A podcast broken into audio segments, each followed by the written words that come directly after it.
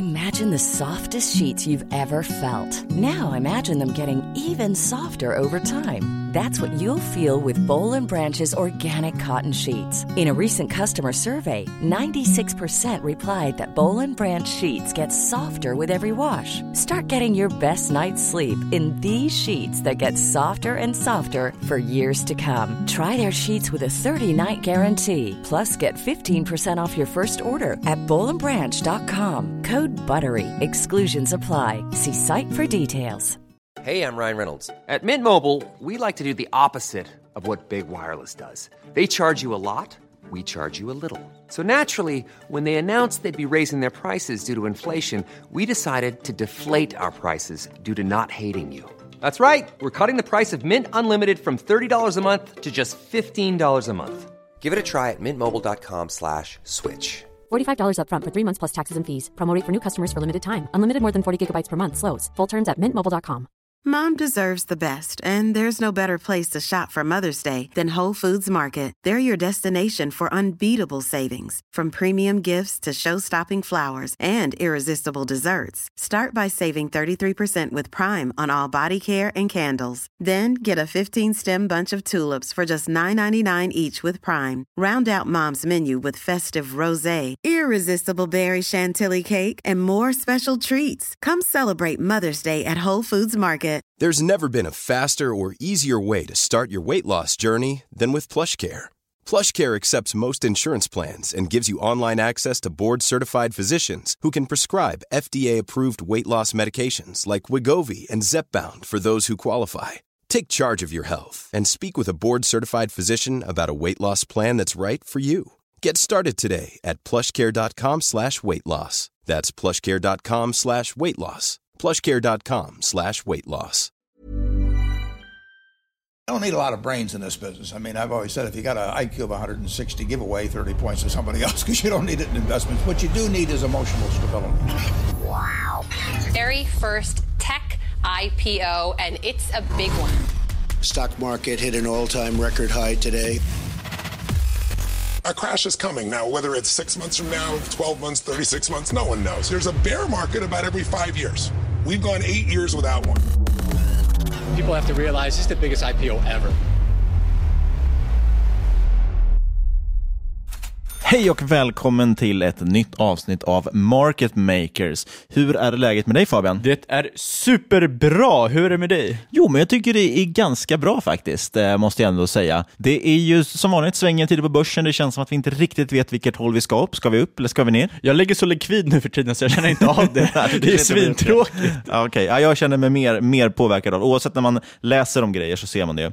Men jag tänker så här, vi, idag ska vi prata, vi lovade ju förra veckan att prata bland annat om Dropbox, deras IPO och Patriot One. Och sen så har vi så fruktansvärt mycket spännande technyheter så att vi kommer antagligen, det blir ett helt avsnitt om det. Ja, vi, Stora HS-avsnittet eller hype-avsnittet eller, eller BAS-avsnittet. Vi började göra analyser på så här gene editing och CRISPR och grejer. Så kom vi fram till, fan det blir för långt avsnitt, det kommer bli två timmar. Så ja. vi fick kutta bort det och ta det i ett annat avsnitt. Det, det kommer i ett annat avsnitt, så att oroa er inte. Men med det sagt så tycker jag att vi kör igång det avsnittet.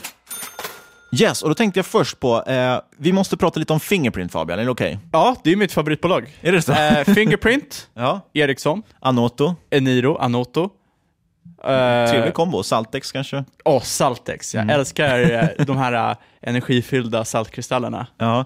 Men vi måste prata lite om Fingerprint. Det var ju så här, de gick ut igår med nyhet om att man ska börja med ansiktsigenkänning. Och då är det så här, det är lite intressant. Den här tekniken använder ju Apple bland annat i sin nya iPhone 10. Den funkar rätt bra har jag för mig. Jag har hört att det funkar jättebra. Det är snabbare än fingeravtryck. Eh, överlag allmänt grymt. Jag har ju stört mig som fasen på fingeravtryck nu när det har varit kallt ute. För att fingrarna, jag får, de blir ju torra fingrarna och då funkar inte fingeravtrycksläsaren. Det funkar inte om du har så här någorlunda svettig eller blöt hand heller. Nej, precis. Så att eh, man kan ju glömma att tvätta händerna. Det är bara att skippa det om man har en fingeravtrycksläsare. Ja, men det gör jag ändå, så det är lugnt. Ja. Nej, men, eh, så att, eh, ansiktsigenkänning är jäkligt bra. Men det är lite roligt då för att många Fingerprint-ägare, i alla fall när man tittar på de här forumen och så som finns, så har de varit väldigt negativa till det. Nej, men det är, ingen, det är ingenting att ha, liksom. det är fortfarande fingeravtryck som gäller. Och nu är plötsligt har man ändrat sig, för nu ska Fingerprint börja göra ansiktsigenkänning. Men kan de fortfarande heta Fingerprint? Nej, nu kommer de heta Facepalm. det där har jag hört förut. ja, jag, jag har snott den från någon på Twitter.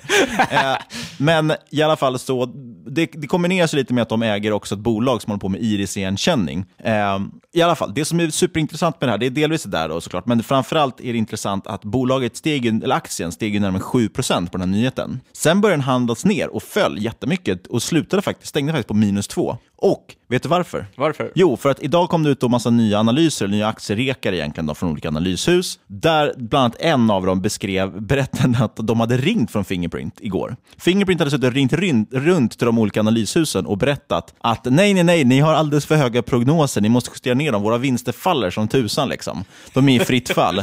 Eh, och där, jag vet, det känns som att det borde vara olagligt. Jag är ganska säker på att det är fel. Det, du, om du gör så, så ska du ju vinstvarna. Du kan inte sitta och ringa till några utvalda personer och berätta att våra vinster är inte alls enligt prognoserna. Nej, det är sant. Eh, det är lite vi, sketchy. Så vi får se hur det utvecklar sig. Men det, så det var i alla fall därför. Så det var ju de som började sälja, eh, de stora kunderna helt enkelt, och lurade småspararna som vanligt. Eh, det känns bara som återigen ett eh, tecken på att Fingerprint inte hör hem liksom, i börsens finrum. Man ska säga.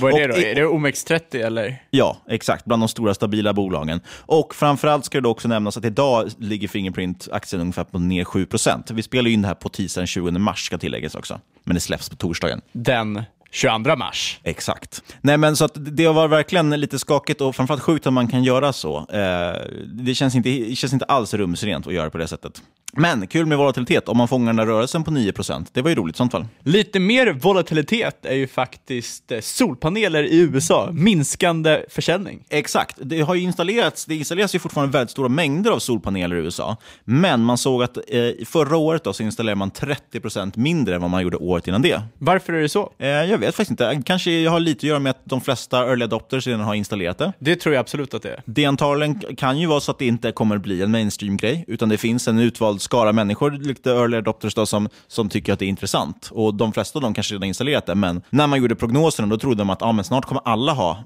solpaneler. Men så är det inte. Så man har justerat ner de här prognoserna med drygt 10% också framöver. Men jag, jag, kan ju helt klart tänka mig att eh, många som kanske bor i Kalifornien har installerat, många som kanske bor i New York eller kanske lite mer regniga stater har det inte installerat. Så är det nog också, det är väldigt väderberoende. Jag tror det, det är väl inte så jättepoppis här i Sverige med solpaneler? Nej, inte jättemycket, eh, men det finns ändå, jag, jag tror att det ändå relativt, för de, de genererar mer än man tror har man märkt i alla fall. Även i kalla lilla Sverige så genereras det faktiskt lite solenergi. Men vi hoppar vidare till någonting annat. Vi ska prata ganska mycket om FANG-aktierna. Och det är ju så här, det har ju varit så, vi har pratat tidigare om de här riskerna med just regleringar och form, olika former av liksom antikonkurrens eh, risker som finns med de här. Just för de har ju typ en monopolliknande ställning i stort. Nästan alla sökningar går ju via Google. Eh, I princip all social media sker ju via Facebook eller någon av deras ägda plattformar. Och nu börjar vi se lite tecken på det här. Och då tänkte jag bland annat, det största som har varit, det är ju det här med Cambridge Analytica. Ja, och Cambridge Analytica Eh, mycket nyheter i fredags. Det är ett bolag som har jobbat med dataanalys, eller de jobbar med dataanalys och är eh, mest kända för att ha jobbat med Trumps presidentkampanj under valet. Och då kom det ut att de hade betett sig lite sketchy när de hade fått in data från, var det 50 miljoner Facebook-användare? Ja, och det är så här, det de gör från början är lite sketchy. Det är inte nödvändigtvis olagligt, men det är lite obehagligt. De, jag kommer ihåg att jag såg någon föreläsning med, jag kommer inte ihåg om det var grundaren eller om det bara var någon anställd, men någon, någon eh, högt uppsatta i alla fall som berättade om hur, vad de jobbar med. Och det är ju att de tar ju in de bygger ju extremt detaljerade personprofiler av folk och sen så kör de ju extremt riktade annonser till dem då. Så att man kan till exempel, jag vet inte om just de har använt det här så jag bara eh, friskriver mig från det, men man har ju pratat till exempel om det här att man kan profilera efter folk som till exempel är antisemiter och så gör de en viss typ av reklam och så. Så det finns lite mer sådana halvsuspekta liksom, kategorier man sätter in folk i. Men det de har gjort, och de har ju bland annat kört ut personlighetstester och sådana grejer, olika former av länkar och sen delat den här informationen då, eller tagit den själva snarare. Ja, för att du måste eh, liksom, de begär rättigheter och du måste godkänna det här. Men det var väl också att det var inte bara du som använde testet, utan de fick tillgång till alla dina vänners information också. Ja, det är väl I alla fall en begränsad del av den informationen. Det är ju så, när du trycker OK på något sånt här test eller någonting som går via Facebook, så delar du med dig av ganska mycket information. Du, då, då begär ju de åtkomst, precis som du säger. Vi vill ha tillgång till det här och det här och här. Och många trycker bara ja på det utan att veta vad de ger ut. Och det som har hänt nu är att då hävdar Facebook och dessutom vissa myndigheter att eh, det här skulle inte de få ta del av egentligen, för de använt det för saker som står utanför avtalet. Eh, men de har ju då gjort så att de, de har sagt att vi vill ha tillgång till det här. Facebook har levererat det via deras API och så har de byggt dataanalyser på det här egentligen. Och det är väl så här, jag vet inte, jag tror faktiskt inte att det här är så himla olagligt eller felaktigt. Utan det stora grejen är väl att man vill sätta dit Trump. Det är det man vill åt egentligen. Och att man vill sätta åt de här företagen. Så försöker man hitta alla anledningar att göra det. Men det är i alla fall ganska stort och Facebooks aktie följer runt 7% på den här nyheten. Och drog med sig ganska många andra aktier på, på köpet dessutom. Ja, drog, väl, eh, drog ju med sig liksom Google, drog med sig Amazon, drog med sig alla techjättar. Och eh, ja, det är väl invänd, alltså inkommande antitrust actions man kan, man kan förvänta sig där. Ja, det är lite sånt. I Japan såg vi att Amazon de blev raidade av landets konkurrensmyndighet. Eh, och Det var för att de begärde att, eh, försöker begära ut en vinstandel från företag som säljer på Amazon. Och En liknande sån grej var lite intressant. försöker Google lansera nu. De har ett program som heter Shopping Actions. Och då samarbetar de med jättekedjor. Liksom Walmart, Target, Home Depot, Costco och så vidare. Och Den bygger på samma grej. att Det är egentligen en form av affiliate-program. Att De ser till att de här bolagen, deras produkter rankas högt i sökningarna på Google. Om du då trycker in där, via där, köper en produkt så ska de få en liten kickback, alltså få en liten procent av försäljningen. Och Det är lite samma grej som just Amazon har blivit straffade för i Japan. Och med största sannolikhet så lär Google bli straffade för det här också om de genomför det. Eh, för ja, det, det, är verkligen, utan det är, tvekan. Det är en form av... Bite them in the... Ja, och man pratar ju mycket om det här handelskriget nu som man tror Trump vill dra igång. Och det här, men det har ju pågått ganska länge mellan amerikanska och europeiska bolag. Att man helt enkelt försöker slå på varandra liksom, via myndigheterna. Bara för att ta ett exempel på det, när vi är inne på det här ämnet, det blir ganska mycket om just det här, men det är att eh, EU nu, de har ju planer på att införa en ny form av skattepålägg på digitala vinster eller digital försäljning. Eh, och det är ju direkt svar på de här handelstullarna som Trump vill införa på stål och aluminium. Och det gäller ju då framförallt de här stora teknikjättarna, de som säljer till exempel Google, Microsoft, eh, Facebook är ganska tydliga, som säljer helt digitalt. Och då handlar det om att man ska göra någon form av pålägg på ungefär 3% på omsättningen. Det är ganska mycket, det drar ner marginaler rätt rejält. Eh, och det är lite intressant just för att Trump han sänker skatterna för att de här bolagen ska kunna ta hem sina jättekasser från Europa. Och Då blir EU ledsna för att de försöker ta ut pengarna från EU. Och Då lägger man på den här skatten och ett svar att svara på handelstullarna. Så det är mycket som händer kring de här bolagen. Det, det är ganska mycket risk, risk i dem just nu. Och överlag känns det som att kanske nedsidan börjar bli lite större än uppsidan. Så det är lite läskigt att äga de här bolagen tycker jag. Det, det är det. Och eh, det jobbiga är att det här är jäkligt roliga bolag egentligen. De gör ju väldigt mycket roliga saker, väldigt mycket innovativa saker. Men ibland kanske de blir liksom för stora för sitt egna bästa. Och eh, skulle inte förvåna mig om de, man får se en liten shoppy-shoppy och de blir uppdelade i flera bolag. Det, det, precis, det är ju en risk av det och då är frågan hur de, hur de kommer fortsätta driva. Så det, oavsett vad som händer så står de inför rätt spännande förändringar. Men som du säger, de gör ju roliga grejer. Så en, en snabb nyhet jag tänkte nämna, det var att Amazon de lanserar nu ett eget betalkort. Det är lite oväntat eh, som de lanserar i Mexiko, där mindre än en tredjedel av Mexikos befolkning faktiskt har betal eller kreditkort. Det är häftigt. Så det är helt plötsligt Så de börjar, man... börjar bli lite bankingtjänst också? Ja, det är lite Alibaba-stil, att man, man äger både betalningsmedlet och själva tjänsten som säljer. Ja, synd att de startar fel sida av jorden då. Men världens första kommersiella autonoma flygtaxi har annonserats på Nya Zeeland. Vad tycker du om det, Niklas? Det är jäkligt coolt. Eh, det är ett företag som heter Kitty Hawk. De har bland annat Google-grundaren och vdn Larry Page som investerare. Ja, Ganska de, tungt namn. Ja, det är supertufft. De har utvecklat ett flygplan som lyfter rakt upp i luften som en helikopter och sen flyger det som ett vanligt flygplan. Ja, och eh, dessutom helt eldrivet, vilket jag tycker är sjukt intressant. Det känns ju som att det är nästa frontier för eh, batteritillverkarna, eller batteriöverlag. Det är ju att börja bygga elektriska flygplan. Exakt. Elektriska autonoma, nya Tesla, Tesla Deluxe. Exakt. Eh, jag har att vi till och med pratade om det i något gammalt nyhetssvep, eller i något gammalt avsnitt. I alla fall så är det där sistnämnda väldigt intressant, för att det kommer ju antagligen påverka råvarupriser väldigt mycket om man då ska börja dessutom bygga, för det blir rätt stora batterier i de här flygplanen. Men det är, vi har en väg kvar innan det händer något. Men, på tal om autonoma och självkörande och eldrivet, eller jag är inte säker på om det är eldrivet, men det kommer antagligen vara det. Vi har ju tidigare pratat mycket om Arizona, just för att de har varit väldigt frikostiga med att tillåta självkörande bilar att testa där.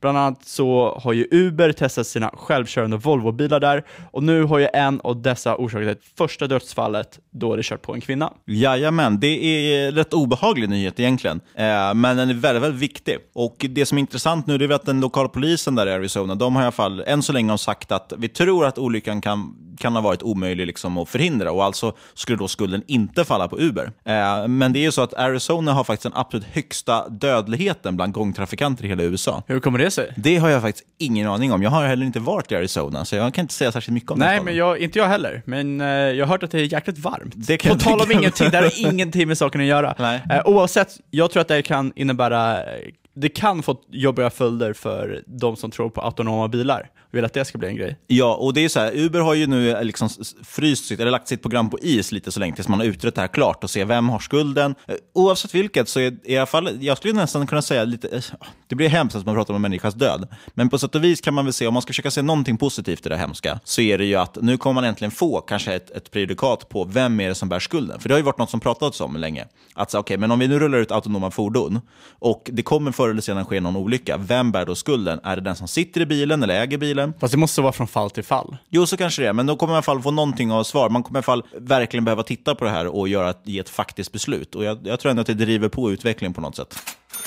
Även denna vecka är vi sponsrade den schweiziska banken Fontobel. De erbjuder otroligt intressanta börshandlade produkter. Ja, det här är faktiskt rätt kul. Vi har ju tidigare pratat om deras bitcoin-tracker, den här Track Bitcoin-fond. Eh, men nu ska vi faktiskt lyfta några andra spännande trackers. Det är nämligen så att Fontobel håller på att rulla ut en hel radda med tematiska trackers, alltså produkter som följer priset på olika teman. Och det är ju väldigt välkommet nu när de flesta utländska ETFer har försvunnit på svenska handelsplatser. Så vi hoppas att Fontobel fortsätter att satsa på detta och fortsätter erbjuda bra priser, låga spreadar på dessa produkter. Ja, och då kan vi nämna några teman. Vi har ju pratat om det här mycket i podden, att när vi pratar om någon stor strukturell tillväxt eller någon stor trend som håller på att ske, så har det alltid funnits en ETF. Och det finns ju fortfarande, men det går inte att komma åt som svensk investerare längre. På sätt. Men det här är ju ett jäkligt intressant alternativ. Och till exempel de som finns ute nu, bland annat en Track China Auto Fond, eh, som följer den kinesiska bilindustrin. Vi har Track Research Fond och Track Fishing Fond. Det är svåra namn, men man får gå in på Fontobel. Vi lägger ut en, en länk också i avsnittsbeskrivningen där man kan läsa om mer om de här temana. Det är ett perfekt sätt att kunna exponera sig mot en viss bransch eller område. Glöm dock inte att all investering sker på egen risk och kan gå både upp och ner i pris. Du bör således alltid läsa på innan du köper en produkt. Stort tack till Fontobel. Vi har ju fått många frågor om Patriot One, så vi tänkte prata lite om det här bolaget. Ja, det är ju så. Det har ju varit ett, blivit väldigt håsat det här. Det har ju, eh, är faktiskt topp 11 nu, eller det är plats nummer 11 på listan över mest ägda utländska aktier på Avanza. Det har drygt 4 000 ägare. Är det det? Ja, och trendar ganska, ganska bra. Vi kan väl prata lite först om vad det är för bolag. Det är ett kanadensiskt bolag. De heter ju Patriot One Technologies Inc, va, om man ska vara helt korrekt. Och vad är det egentligen de säljer för någonting? Uh, Patriot One har ju en ny revolutionerande produkt, som de själva kallar det. Eller jag vet inte om de säger revolutionerande, men den, den, den ska stå ut i alla fall. De, det de gör, de sysslar med massradarövervakning för att kunna hitta terrorister eller dolt beväpnade i stora folkmassor och offentliga platser. Det, det här funkar eh, givetvis på liksom enskilda individer, men det de marknadsför mot, det jag har läst, det selling point är, att du ska kunna liksom kontrollera stora folkmassor för efter de liksom senaste stora terroristattackerna som har hänt. Ja, för det den gör, om man berättar hur tekniken funkar, det är en form av radar. Den skjuter alltså ut en signal som studsar mot en kropp. Då får de ju ut konturerna på kroppen väldigt väl. Eh, och det man då, då har de en stor databas där de är massvis med olika vapen, ritningar på vapen alltså, som de kan jämföra mot. Och då skulle de kunna se då att okej, okay, den här konturen, Fabian har någonting under tröjan och den har samma kontur som en, en Glock typ. Eh, och då kan man varna och säga att den här personen är eventuellt beväpnad. Och då kan man gå och inspektera den personen. Det här är alltså kommersialiserad NATO-utvecklad teknik. De har haft ett forskarlag från McMaster-universitetet i Kanada. Coolt namn på ett universitet för övrigt. McMaster, man. Ja, Mac-kandidat kanske man ska starta i sig. Som de tillsammans med NATO har utvecklat något som kallas Cognitive Microwave Radar. Förlåt, men borde inte, om McDonalds hade en egen högskola, borde man inte då få en McMaster? Om de har en egen högskola, McDonalds University heter det. Blir man då McMaster? Det vet jag inte, men du blir... Först blir man McBachelor of Arts och sen blir man jag McMaster. Tror, jag tror att det börjar som en investmentbank. Uh, analysts and associates and vice president. Mac-analyst. Mac, Mac-analyst. Jag ska, jag ska skriva det på LinkedIn. ja, i alla fall. Det, det är ju en exklusiv licens de har för att använda den här tekniken som de har tagit fram. Men det ska å andra sidan lyftas att det faktiskt finns andra som har liknande produkter. Ja, men tänk dig på till exempel en flygplats, metalldetektorer.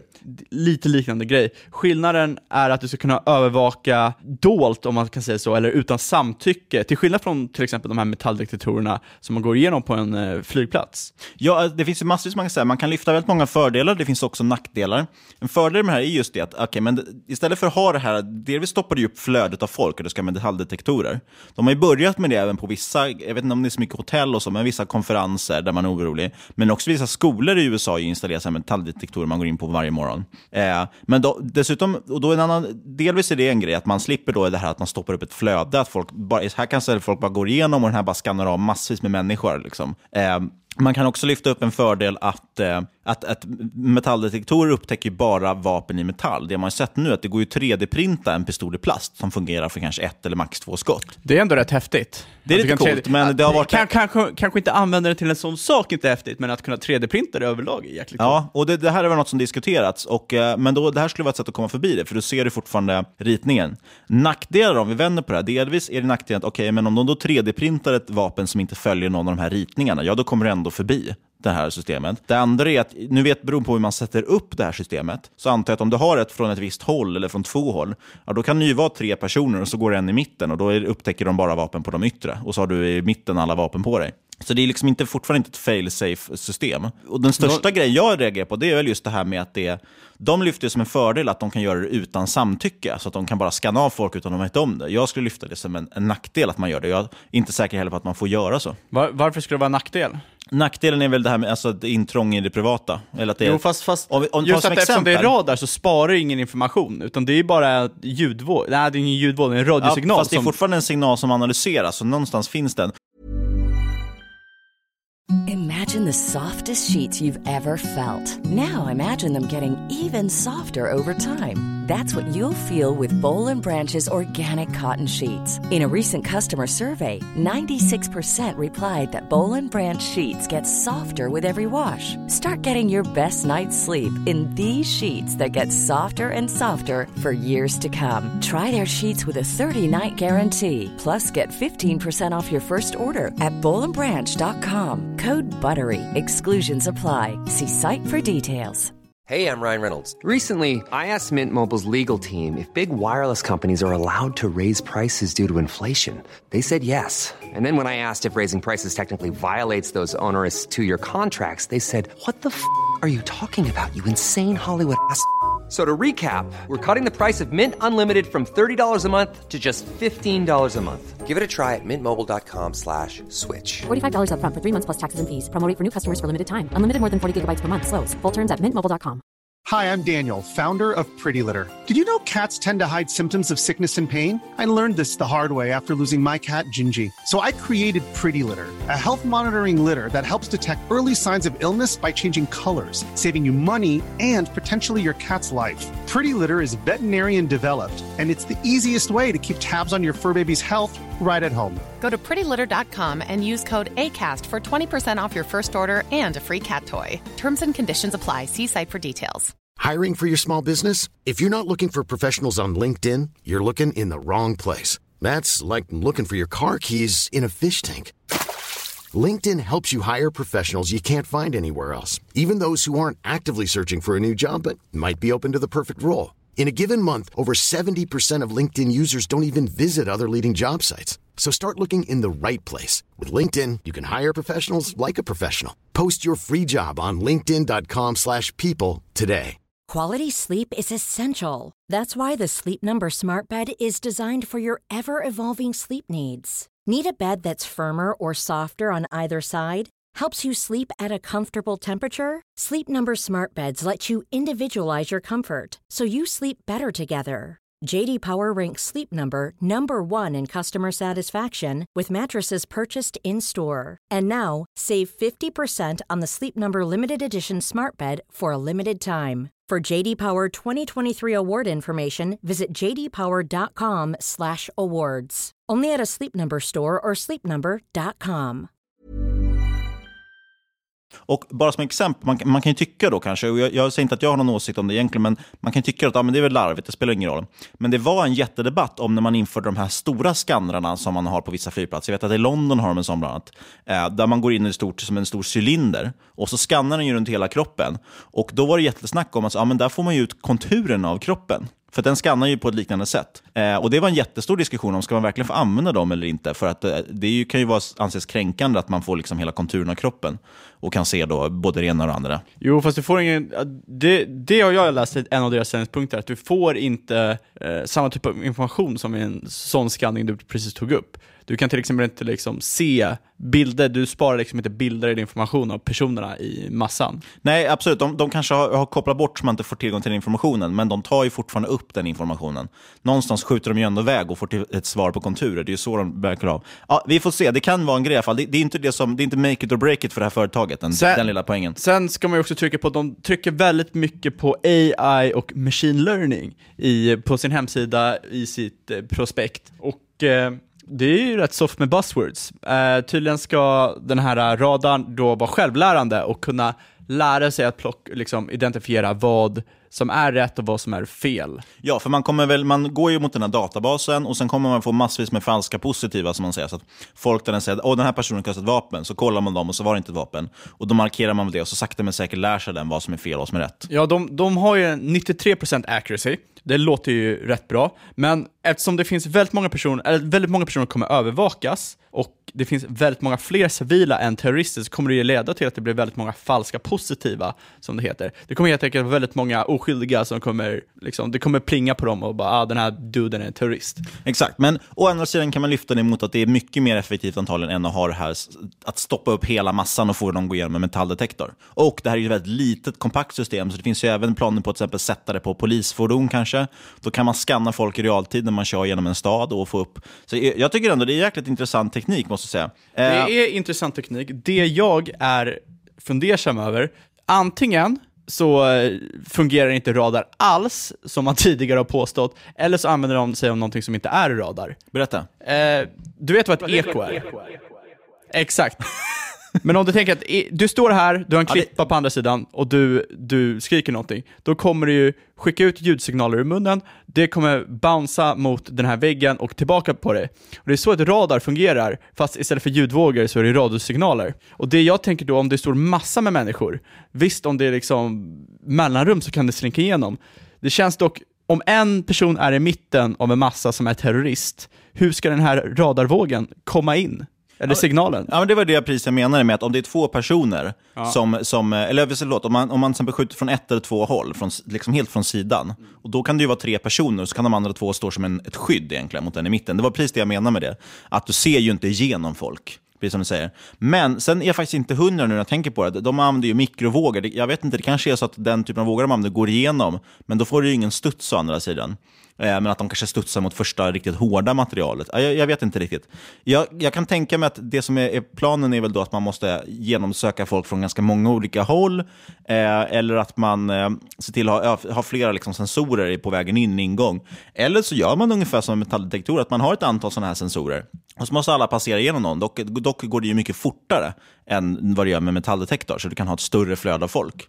Eller så är det bara billigare än en metalldetektor. Så jag vet inte, det, det är lite sådär. Eh, vi kan ju dra lite siffror innan vi pratar om vad vi, vi tycker om bolaget. Och det, något som är lite bullish då för det är att de tog in runt 24 miljoner dollar här nyligen i finansiering. Och det gjorde man på runt 2 dollar aktien. Idag står den ju runt 1,8 kanadensiska dollar, vilket då blir, vad blir det, ungefär 1,3 någonting amerikanska. Så det har sjunkit? Nej, snarare att man har tagit in finansiering på en rätt mycket högre nivå än vad det står idag. Och det är då någon som tycker att det är värt att betala de pengarna. Eh, man kan nämna den market... Jo, fast, fast då, då är ändå liksom värdet på underliggande sjunkit, på något sätt. Ja, absolut, så kan man säga det. Man, men man skulle kunna då prata om att det kanske, om någon är villig att betala de pengarna, eh, nu kommer jag inte riktigt ihåg vem som hade gjort det här, vem som hade betalt det, eh, men det kan ge någon form av liksom, signal att någon är intresserad. Oavsett vilket så har de i alla fall ett börsvärde på runt 200 miljoner dollar, amerikanska dollar. Då. Eh, Enterprise värde ligger på 144 miljoner dollar. Så att börsvärdet är större än värdet på företaget i dagsläget. Det som kanske är viktigast för sånt här typ av bolag, för de säljer ju egentligen ingenting. Jag kunde inte hitta någon typ av försäljning riktigt i deras, i deras eh, senaste rapport. Eh, däremot har man väl en del ordrar som ligger och, och väntar som man ska kunna leverera på. Vad jag vet har de sålt för några miljoner till, i Las Vegas, eh, men jag vet inte om de har sålt mycket mer än så. Nej, jag, jag tror att de har, de har en liten försäljning, men de går fortfarande med förlust, ska vi vara tydliga, och de går även förlust kassaflödesmässigt. Och det är där som jag tycker är intressant. De tog nyligen in, gjorde nyligen en ny emission och fick in ungefär 10 miljoner dollar. Så att man har i dagsläget, eller senaste, enligt senaste rapporten som kom 28 december förra året, så har man alltså 15 miljoner dollar i kassan ungefär. Och det ska då vägas, eller liksom jämföras mot att de bränner ungefär en miljon dollar i kvartalet om man tittar på förra rapporten. Så att eh, de har ändå, de verkar ha hyfsat eh, bra tid, om de får igång försäljningen så klarar de sig i alla fall ekonomiskt ett tag. Eh, Så det borde inte vara några nyemissioner som sker. Och de har inte jättestora kostnader heller. Tekniken är utvecklad och produkten är framtagen och så vidare. Så det var inga stora andra grejer som belastar resultatet så. Men de har ju ingen majoritetsägare heller. Nej, runt, jag tror att det var 96 procent ungefär av alla aktier ligger i så kallad free float, alltså som finns ute på marknaden och handlas med. Det är kanske inte superkul. Nej, största ägaren hade ju runt 2,5 procent eller sånt av alla aktier. Så att eh, någonstans, det finns en väldigt stor risk att det här blir väldigt volatilt och det har vi även sett också på marknaden. Så lite beroende på volymen man har så är det ganska lätt att gå in och kapa den här aktien och eh, köra den upp och ner lite som man vill. Men det spelar kanske ingen roll för långsiktiga ägare, för, för de är fundamenten det viktiga i slutändan och inte de enskilda rörelserna. Då. Vad tycker du långsiktigt om det här caset? Så här, där, nu kommer vi in på det mest intressanta, kanske det folk undrar mest. Och det är väl att generellt är det så här, jag tycker teknik faktiskt är rätt intressant. Jag är inte främmande för att man kanske kan få den såld. Det beror ju helt på hur duktiga de är. Jag vet inte vad de riktigt har för track record, de som driver det här bolaget. Kan de sälja överhuvudtaget? De har en del bra namn i listan över folk, rådgivare och i ledning och sådär. Eh, men i slutändan handlar det om att det är fortfarande ett förhoppningsbolag, det ska man vara medveten om. Vi vet inte än om de kommer få in någon ordentlig försäljning på det, om folk kommer vilja ha produkten. Eh, Produkten lockar säkert för att det är ganska osäkra tider nu. Det har varit mycket, det är alltid mycket skolskjutningar i USA och vi har lite terror, terrorrädsla och sådana saker. Frågan är dock, det som gör en riktigt orolig, det vet jag gör dig orolig också, det är ju att det här känns som ett kultbolag och det känns som det håsas väldigt, väldigt mycket. Mm, ja, jag kan bara säga att första gången jag hörde tala om Patriot One, det var för att det var någon som hade, jag följer rätt många olika typer av aktieforum, både amerikanska och svenska. Och första gången jag hörde talas om Patriot One, det var när någon på ett amerikanskt aktieforum eh, gav en varning kring Patriot One för att det var någon som gick runt till alla andra aktieforum och postade att man skulle köpa det bolaget. Ja, och det är ju så. Det är ett ganska litet bolag. De, de största, jag har också märkt att så här, många som, som håsar det här bolaget har samma pris. Man får samma typ av sektkänsla som man fått kring många andra bolag, som kring Fingerprint och, och lite andra sådana typer av bolag. Att, att man vill inte lyssna på någon form av kritik, man vill bara trycka upp det här. Det känns nästan som att det handlar mer om att sälja aktien än att sälja bolaget eller produkten. Eh, och det är ju liksom varningssignaler. Och då känner i alla fall jag att ja, visst, det kanske är ett jättebra bolag. Jag kanske missar potential. Man kanske kan tjäna jättemycket pengar på den här håsen också. Man får en sån. Det vi har ju redan sett en rejäl uppgång i bolaget under tidigt början på året. Eh, men jag står nog gärna över det liksom, för att slippa ta den risken. Ja, jag, jag är trött på kultbolag och eh, kultföljningar, så jag står nog också över det. Eh, det sagt, det kan säkert vara en svincool grej, även fast jag inte fattar deras, hur deras radar fungerar. Nej, och, och, frågan är ju hur många av dem som sitter hos det här bolaget som faktiskt vet hur den fungerar också. Eh, så jag, vet, jag, jag ställer mig nog tveksam till det här bolaget, men vi ville ta upp det för att vi har fått lite förfrågningar om det. Eh, ja, så nu har vi gjort det. Grymt. Så vårt, vårt råd blir att avvakta. Nej, gör som ni vill. Ja, eh, investeringar helt... sker alltid på egen risk, som man brukar säga. Exakt, och det beror helt på vad man har tid och sånt. Är bara tanken med att vara med på sådana HS-case och rida den uppgången, då kanske det här är klockrent. Men då gäller det verkligen att hålla koll på hur pratar folk på forum, hur pratar folk på Twitter och så vidare.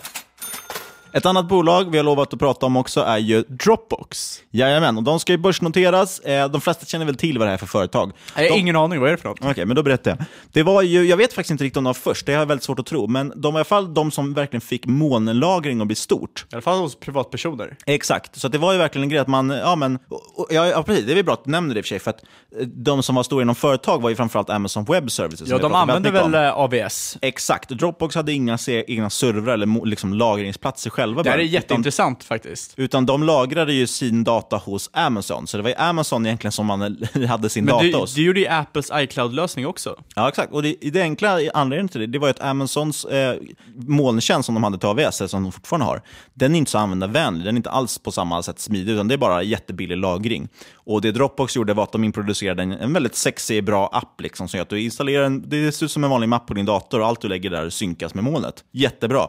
Alla använder det tycker jag, upplevde jag förut när det där kom. Dock är ju frågan nu, nu känns det som att många är på väg ut från Dropbox, men vi kan komma tillbaka till det senare. Vi kan börja med lite siffror om, om noteringen. Det första vi bör trycka på är att Dropbox eh, har blivit övertecknat med ett pris runt 16-18 dollar per aktie och det ger en värdering på 7 miljarder dollar. Och det vi måste kommentera där är att senaste investeringsrundan så värderades bolaget till 10 miljarder dollar och det betyder att aktien har sjunkit eh, 30 procent sen ja. eh, liksom inför noteringen. Varför har det gjort det? Väldigt bra fråga. Eh, och Det ska dessutom på det här läggas till att det finns lite såna aktie och optionspaket och grejer, att folk kan lösa in aktier och sådär. Vilket gör att värderingen alltså egentligen kan bli lite högre än vad den ser ut att vara nu. Eh, men det lämnar vi, lämnar vi osagt för att det är lite svårare att spekulera i. Eh, omsättningstillväxten i alla fall, den var ju galen. Eh, för, förra året 40 procent. I förra året 30 procent, den har alltså sjunkit och det lär fortsätta sjunka, det är i alla fall det de flesta Så, tror. Bra tillväxt, men sjunker. Du vill inte ha,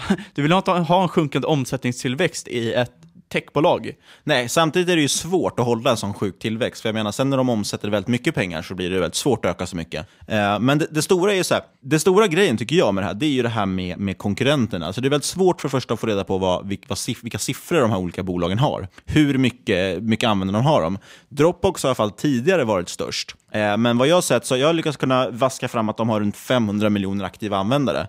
Det hade de också året innan det, så jag menar, de har varit fast på den utvecklingen. De har, antalet användare verkar inte öka. Men de har ändå haft en omsättningstillväxt för att de gått över till premiumvarianten? Exakt, man har blivit antagligen bättre på att sälja in till sina kunder, plus att man har lanserat olika former av businesspaket, alltså man har lanserat till företag som ska ah, Snyggt. Jag kan också, för jag har märkt att det är väldigt lätt att fylla upp sitt gratisutrymme. Och då, för det kostar inte supermycket att gå över till premium, så kan jag väl tänka mig bara få orka inte byta över. Nej, och så, exakt så gjorde jag när jag använde Dropbox. Då hade, jag skaffade Dropbox och då la man ju gratisgrejer, man fick 10 gig eller vad det var på den tiden, nu tror jag det är 100. Eh, sen slog man i det där taket och då var så här, men shit, jag behöver ju ha det här utrymmet. Nu har jag liksom vant mig vid den här tjänsten, den är ju så himla bra. Och då började man betala typ 9 kronor per månad och sånt. Eh, så det var ju supersmidigt, men det kör ju alla konkurrenter också. Och vi måste prata lite om konkurrenterna, för att det är hög konkurrens. Och framförallt så har man väldigt mycket konkurrens från riktigt stora bjässar som inte behöver bry sig om lönsamheten på ett annat sätt. Ja, då, sätt. då har ju Microsoft. Ja, Microsoft de pushar sitt OneDrive och det ska tilläggas att alla företag, nästan alla företag i världen använder ju Office på något sätt.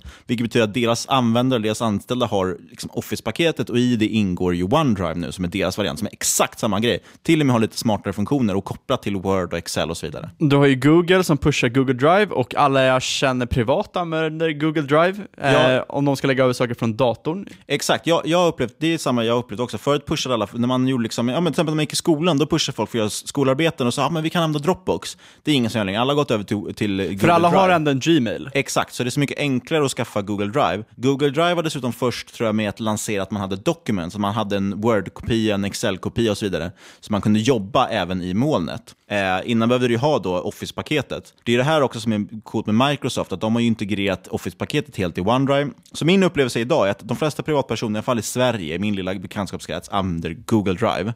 Och de flesta som jobbar inom arbetet så använder väldigt många OneDrive. Och har en iPhone eller använder Apple-produkter så pushar den ju till iCloud. Ja, och det som är grejen är ju som jag säger med att de här bolagen har ju så mycket annan verksamhet. iPhone, eller Apple har ju så fruktansvärda marginaler på sin iPhone så de behöver inte tjäna pengar på iCloud. Det blir som med Spotify. De har en grej som de kan erbjuda, men det är inte deras huvudverksamhet. Nej, exakt. Och då har de mycket lättare att kunna konkurrera med ett sånt typ av bolag. Exakt. Och har vi glömt några konkurrenter? Ja, vilka har vi glömt Fabian? Eh, Amazon, SpiderOak, SugarDrive, Voila, har jag glömt några? Zipcloud, Comhem, Bahnhof, iDrive, Certain Safe, Box, det är till och med börsnoterat. Ja, det är no några alternativ. Några alternativ, och det var ju liksom, efter en enkel googling så hittar man liksom 20 olika konkurrenter till exakt den här idén. Och Dropbox ska ha jäkligt mycket cred, för det var de som kom på det här, men frågan är om, om de har någonting, någon kraftig moat, liksom, eller någonting som gör att varför skulle jag välja dem över Google Drive? Allting pekar mot att Google Drive lättare när jag redan har, är med i deras ekosystem. Den, de har ju namebrand. Jag ger ja, det alla vet vad en Dropbox är. Liksom. Exakt. Och det är egentligen bara det. Och, eh, men jag upplever att många pratar om Dropbox, men så är det egentligen Google Drive de använder på sin dator. Så jag tror tyvärr att det här är lite så här, private equity-bolagen, riskkapitalister har köpt in sig i många case och det är många av de här casen som börjar tappa i tillväxt och då rullar man ut på börsen för att sälja av till, till småsparare. Liksom. Och Jag tror också att det här är lite så. Det känns som att det är en exit. De här var först med den här produkten, de gjorde det jäkligt bra, har växt mycket, växer fortfarande ska tilläggas. Eh, men frågan är om hur mycket de kommer växa framöver. Och då ser man istället att ja, då säljer vi ut det här, åtminstone lite grann eftersom. Liksom. Det finns i alla fall möjlighet att göra en exit på ett annat sätt. Om de inte vinner på att alla FANG-aktier blir helt jäkla fuckade i domstolen och måste splittras och det bara förstör de bolagen helt. Så kan det ju vara och då är helt plötsligt i Dropbox något annat, för då kanske det kommer fram, då kanske vi ser siffrorna helt plötsligt för Google Drive. Oj, Google Drive kostar massa pengar, det kan inte bli ett eget bolag. Och då är plötsligt börjar Dropbox liksom tas upp. Men som sagt, Dropbox går ju också med förlust, så frågan är hur lönsamma de är. Eller hur, mycket de kan, hur länge de kan överleva. Så man ska ju helt enkelt speka i antitrust? Ja, om man nu... Eh, om man nu Nej, men det man också kan tro, det är att man, om man tror på att de kommer få över tillräckligt många kunder, de har redan väldigt mycket kunder. Om man tror att de kommer kunna behålla de kunderna, fortsätta konvertera dem till betalande användare och därmed generera tillräckligt mycket kassaflöde för att också gå med vinst förhoppningsvis i slutändan, då är det ett bra case. Alltså det, det kan vara ett jätte, kanske jättelönsamt bolag som står och betalar ut utdelning eller någonting. Jag tror dock att det är ett mer stabilt bolag kanske, eller mer moget bolag än vad många försöker få det att låta som. Så är det absolut. Och eh, framförallt så är jag osäker på den här värderingen. Just så länge de går med förlust så är det väldigt svårt att avgöra. Men vilket som, är du intresserad så startar handeln faktiskt redan på fredag på Nasdaq. Oj, oj, oj. Och det är dagen efter avsnittet släpps. Jag har för mig att det var kul. gratishandel på, av- var det Avanza Nordnet? Det har jag faktiskt ingen koll på, men det kan vara kul att kika på det här caset. Det brukar vara så. Det var den där Snap, det kanske bara var på Nordnet i och för sig. Ja, det där känner jag inte Det gör igen jäkligt mycket reklam Ja. för Nordnet fastän de inte sponsrar oss. Nej, och Avanza för den delen. Men dessutom, vi ska nämna sist bara innan vi, innan vi rundar av den här podcasten, ska vi nämna det apropå IPOs. Den svenska IPO-marknaden har ju vaknat igång också. Det är ju fem sjukt spännande noteringar som händer just nu och vill man veta mer om dem så kan man gå in och läsa om dem på ipo.se. Och där finns även lite mer info om Dropbox-noteringen. En stort tack för att du spanade in det här avsnittet, Niklas. Ja, eller hur? jag hade inte så mycket val, jag måste vara här. Det var lite annorlunda än vad det brukar vara. Vi slängde runt lite delar. Ja, det har varit eh, lite nytt. Eh, ska vi dra någon form av innehållsförteckning? Äger du Dropbox? Jag äger inte Dropbox, jag äger inte Patriot One? Patriot One. Eh, Jag men- äger några FANG. Ja, vi pratade ju lite om de aktierna förut. Jag äger Amazon och... Jag äger Amazon och Google. Det var, gjorde ont igår, måndagen, den 19 Men mars. ingen av oss ägde Facebook som tur var. Men det har jag gjort förut, men sålt dem just av den anledningen. Och Äh, även Alphabet. Scaredy cat. Och snabbt också, inget du har hört i den här podcasten ska ses som rådgivning. Alla åsikter är våra egna eller vår gäst och eventuella sponsorer tar inget ansvar för det vi säger i podden. Tänk på att alla investeringar är förknippade med risk och sker under eget ansvar, men vill du bli förknippad med risk så kontakta oss på podcast.ipo.se eller på Twitter marketmakerspod. Och glöm heller inte att kolla in Fontobells tematiska trackers. Det kanske är ett namn som inte är svårt där med trackers, men tracker betyder alltså att de trackar ett pris, följer ett pris på någonting. Och jag tycker de här temana är väldigt intressanta och det kommer komma fler och vi lägger in en länk till det i avsnittsbeskrivningen som jag tycker ni ska kolla in. Extra intressant nu när vi inte har några ETFer som trackar vissa sektorer. Exakt. Och eh, glöm som vanligt inte det här med risk och så vidare. Det gäller även för Fontobells produkter, precis som alla andra. Och kolla in gärna in på ipo.se som vi producerar den här podden tillsammans med. Och sist men absolut inte minst. Tack för att du har lyssnat kära lyssnare. Vi hörs igen om en vecka. Ja, oj, nu kom jag på en grej Fabian. Jag kom på en grej nu. Vad? Eh, vi ska upp till Stockholm nästa vecka och intervjua lite gäster. Ja. Det har vi skrivit ut om på Twitter, så gå in där och ställ era frågor. Det är bland annat Johanna Kull, sparekonom på Avanza. Och Per H Börjesson. Sveriges Warren Buffett eh, som driver Spiltan. In på Twitter, vi har lagt ut inlägg om det där man kan lägga in sina bästa frågor, så passa på nu. Om du kanske inte, vem, vem vet, du kanske aldrig får chansen att träffa dem själv. Jag hoppas att du får göra det, men om du inte får det så passa på och ställ frågor till dem via oss. Så, tack för att du har lyssnat. Tack så mycket.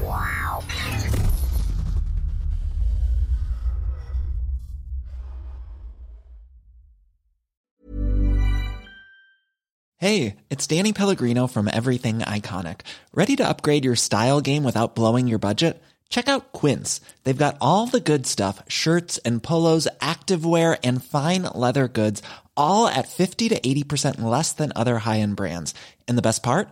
They're all about safe, ethical, and responsible manufacturing. Get that luxury vibe without the luxury price tag. Hit up quince.com slash upgrade for free shipping and 365 day returns on your next order. That's quince.com slash upgrade. Hi, I'm Daniel, founder of Pretty Litter. Did you know cats tend to hide symptoms of sickness and pain? I learned this the hard way after losing my cat, Gingy. So I created Pretty Litter, a health monitoring litter that helps detect early signs of illness by changing colors, saving you money and potentially your cat's life. Pretty Litter is veterinarian developed, and it's the easiest way to keep tabs on your fur baby's health right at home. Go to prettylitter.com and use code ACAST for 20% off your first order and a free cat toy. Terms and conditions apply. See site for details. Mom deserves the best, and there's no better place to shop for Mother's Day than Whole Foods Market. They're your destination for unbeatable savings, from premium gifts to show-stopping flowers and irresistible desserts. Start by saving 33% with Prime on all body care and candles. Then get a 15-stem bunch of tulips for just $9.99 each with Prime. Round out Mom's menu with festive rosé, irresistible berry chantilly cake, and more special treats. Come celebrate Mother's Day at Whole Foods Market.